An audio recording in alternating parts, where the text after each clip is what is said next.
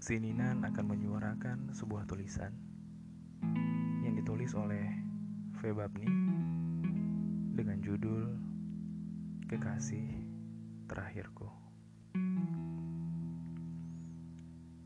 Kemudian mereka pun pergi berkencan selama sehari.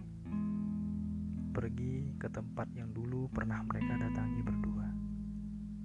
Tempat di mana mereka pernah berbagi senyum dan air mata bersama.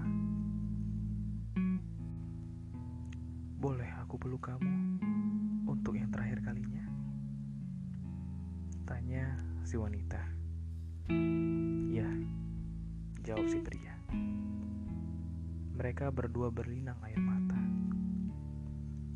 Kamu pasti sembuh. Kamu pasti bisa. Ucap si pria.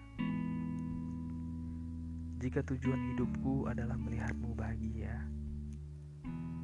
dan sekarang aku sudah melihatmu bahagia dengannya. Bukankah tujuanku sudah tercapai? Tanya si wanita. Maafkan aku, ucap si pria. Beberapa bulan kemudian, pria itu berpisah dengan kekasih barunya, dan dia merindukan wanita yang selama ini selalu ada untuknya dalam keadaan tersulitnya sekalipun.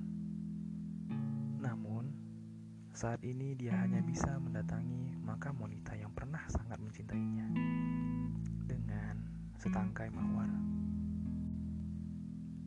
Demikianlah suara dari tulisan karya Febabni judul Kekasih Terakhirku.